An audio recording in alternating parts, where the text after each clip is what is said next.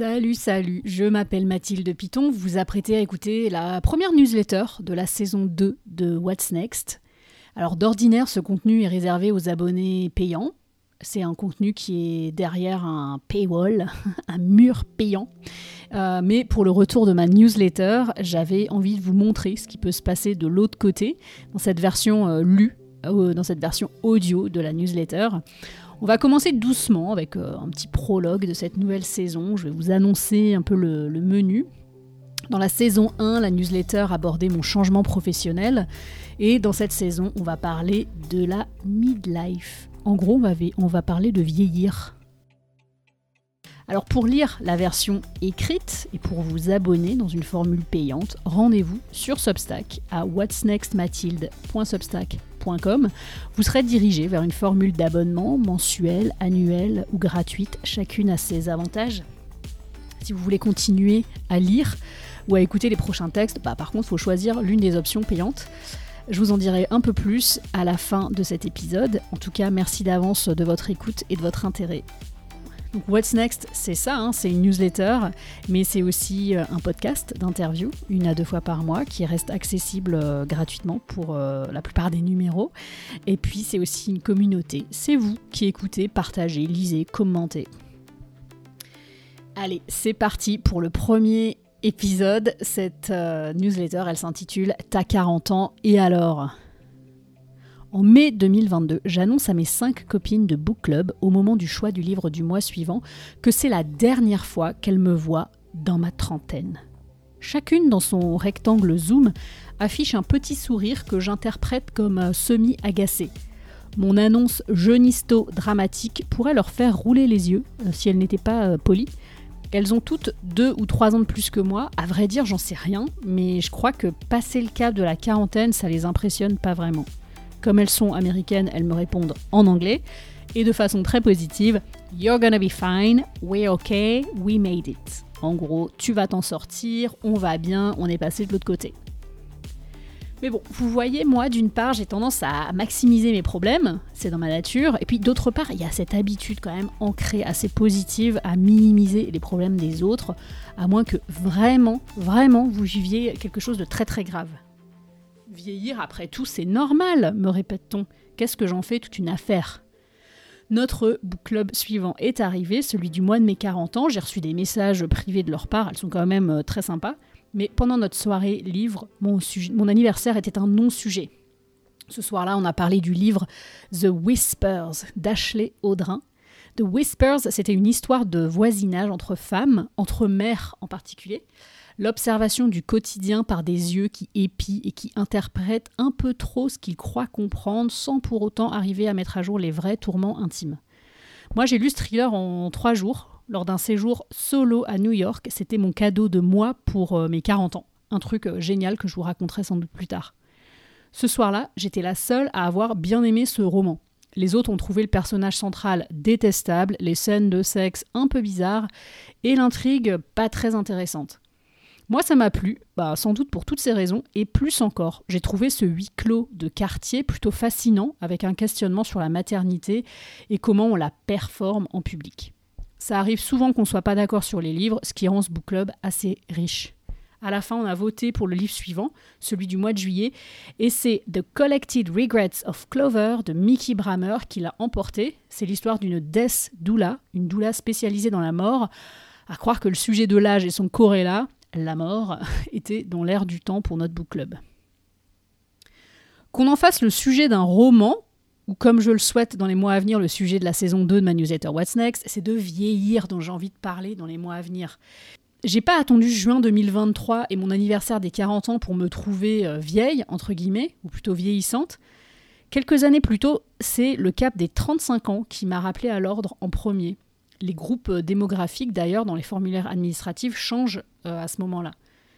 Un peu avant mes 35 ans, j'ai participé à une journée de méditation urbaine. Alors, disclaimer, je dis ça, mais j'en ai fait que, que une dans ma vie. En fait, j'en ai fait deux, mais c'est pas quelque chose que je fais régulièrement. Cette journée, elle était organisée pour les 18-35 ans, ce qui est quand même un groupe assez large. Et à 34 ans et quelques mois, le couperet était proche et je me demandais s'il était encore temps d'apprendre une grande vérité sur ce groupe des jeunes que j'allais quitter euh, prochainement. On a passé la journée assis ou à marcher, sans parler, en méditant. Le midi, le repas était servi en silence. Après le repas, on m'avait assigné au nettoyage des toilettes comme travail communautaire. C'est donc à ça que j'ai pensé une bonne partie de la matinée en méditant. Je suis ressortie de la journée sans grande révélation sur les jeunes. En fait, on avait juste été regroupés pour passer la journée ensemble, mais il n'y avait pas de, de grande révélation. Passer le cap des 35 ans, c'était aussi dépasser la date de péremption pour tomber enceinte dans les limites de l'acceptable, selon un adage que j'avais intégré je sais pas trop comment, ce genre aussi de vérité générale qui flotte dans l'air. Quand à 35 ans j'étais toujours pas enceinte alors que ça faisait quand même un moment que j'essayais, j'aime la politesse de cet euphémisme, bah, j'ai eu peur de jamais y arriver alors que je le souhaitais. Je souhaitais tomber enceinte. Finalement, le cap des 40 ans, euh, c'était pas si grave que ça. C'était juste la suite logique post-35 qui m'avait euh, déjà préparé au changement, inéluctable. Dans la saison 1 de What's Next, je vous ai emmené dans ma quête d'une nouvelle orientation professionnelle à un moment particulier de ma vie, où je songeais très fort à tout changer, mais je savais pas trop comment. Changer professionnellement parlant. Je vous en ai parlé semaine après semaine dans 46 newsletters. C'était le vendredi, c'est mon jour, fin de semaine. Euh, on, a, on prend un peu peut-être plus le temps avant le week-end de lire un article de 5-10 minutes. Bref, j'avais très envie de continuer à vous envoyer une newsletter, mais la saison 1 de What's Next sur ma trajectoire de vie non linéaire euh, est terminée. J'ai pas toutes mes réponses, mais j'ai eu pas mal de réponses. Il était temps de passer à autre chose, passer à un autre What's Next, le What's Next de la vie. Dans la saison 2 de What's Next, je vous l'ai dit, il sera question de la midlife. La midlife, littéralement, c'est le milieu de vie. Je suis pas jeune, je suis pas vieille, je suis au milieu. J'ai envie de parler de vieillir parce que c'est un sentiment ambivalent et je suis sûre que les sentiments ambivalents sont les sentiments les plus riches. En gros, bah, c'est cool et c'est relou de vieillir, pour faire euh, très simple. On fera un peu plus euh, ambivalent euh, et subtil dans d'autres articles. Moi, j'ai souvent entendu dire, peut-être vous aussi, que 40, c'est le nouveau 30, 40, c'est même le nouveau 20, 40, euh, c'est mieux que 25 ou 30 ans, on est plus mature, on a plus confiance, on est plus à l'aise dans ses baskets euh, spéciales pieds sensibles. Je crois que c'est vrai, mais je suis pas sûre que ça représente tout à fait la réalité.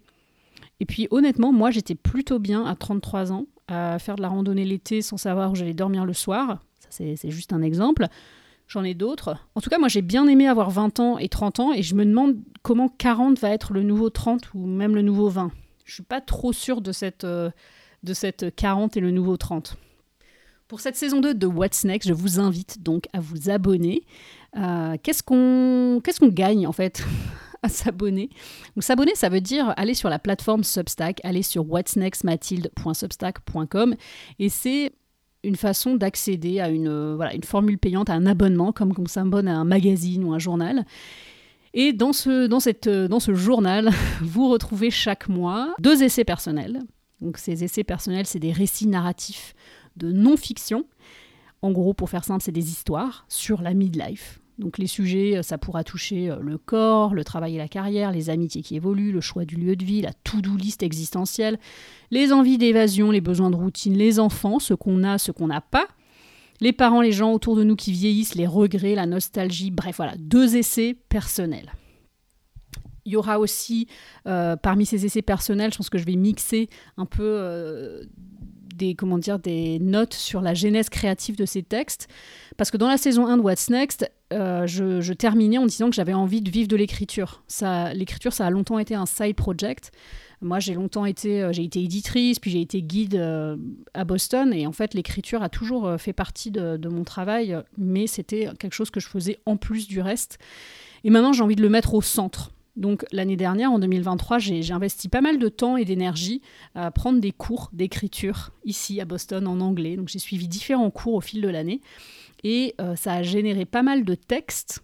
Et j'ai des choses à vous dire donc sur ce, sur ce procédé créatif, tout ce que j'ai appris.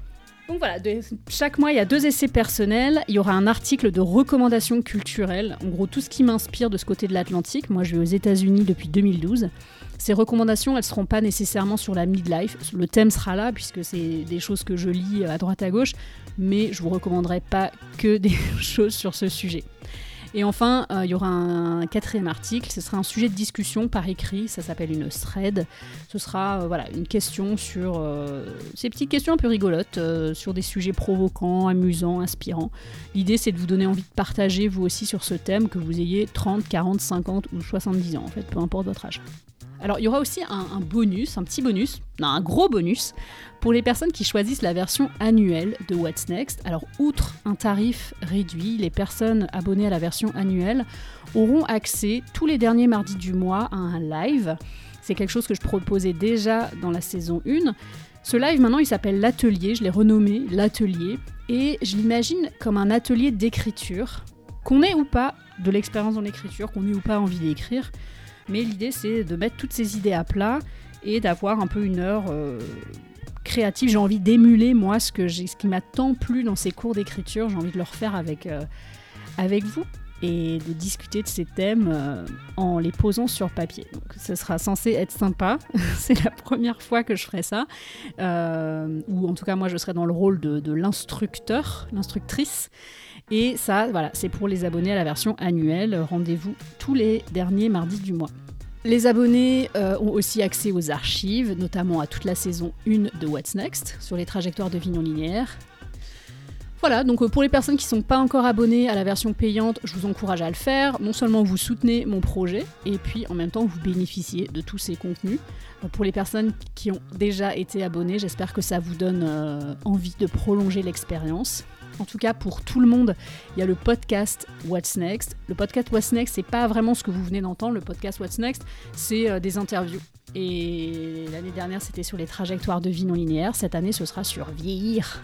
Il y a deux numéros qui sont déjà enregistrés et je, continue au mois de janvier à, faire d'autres enregistrements.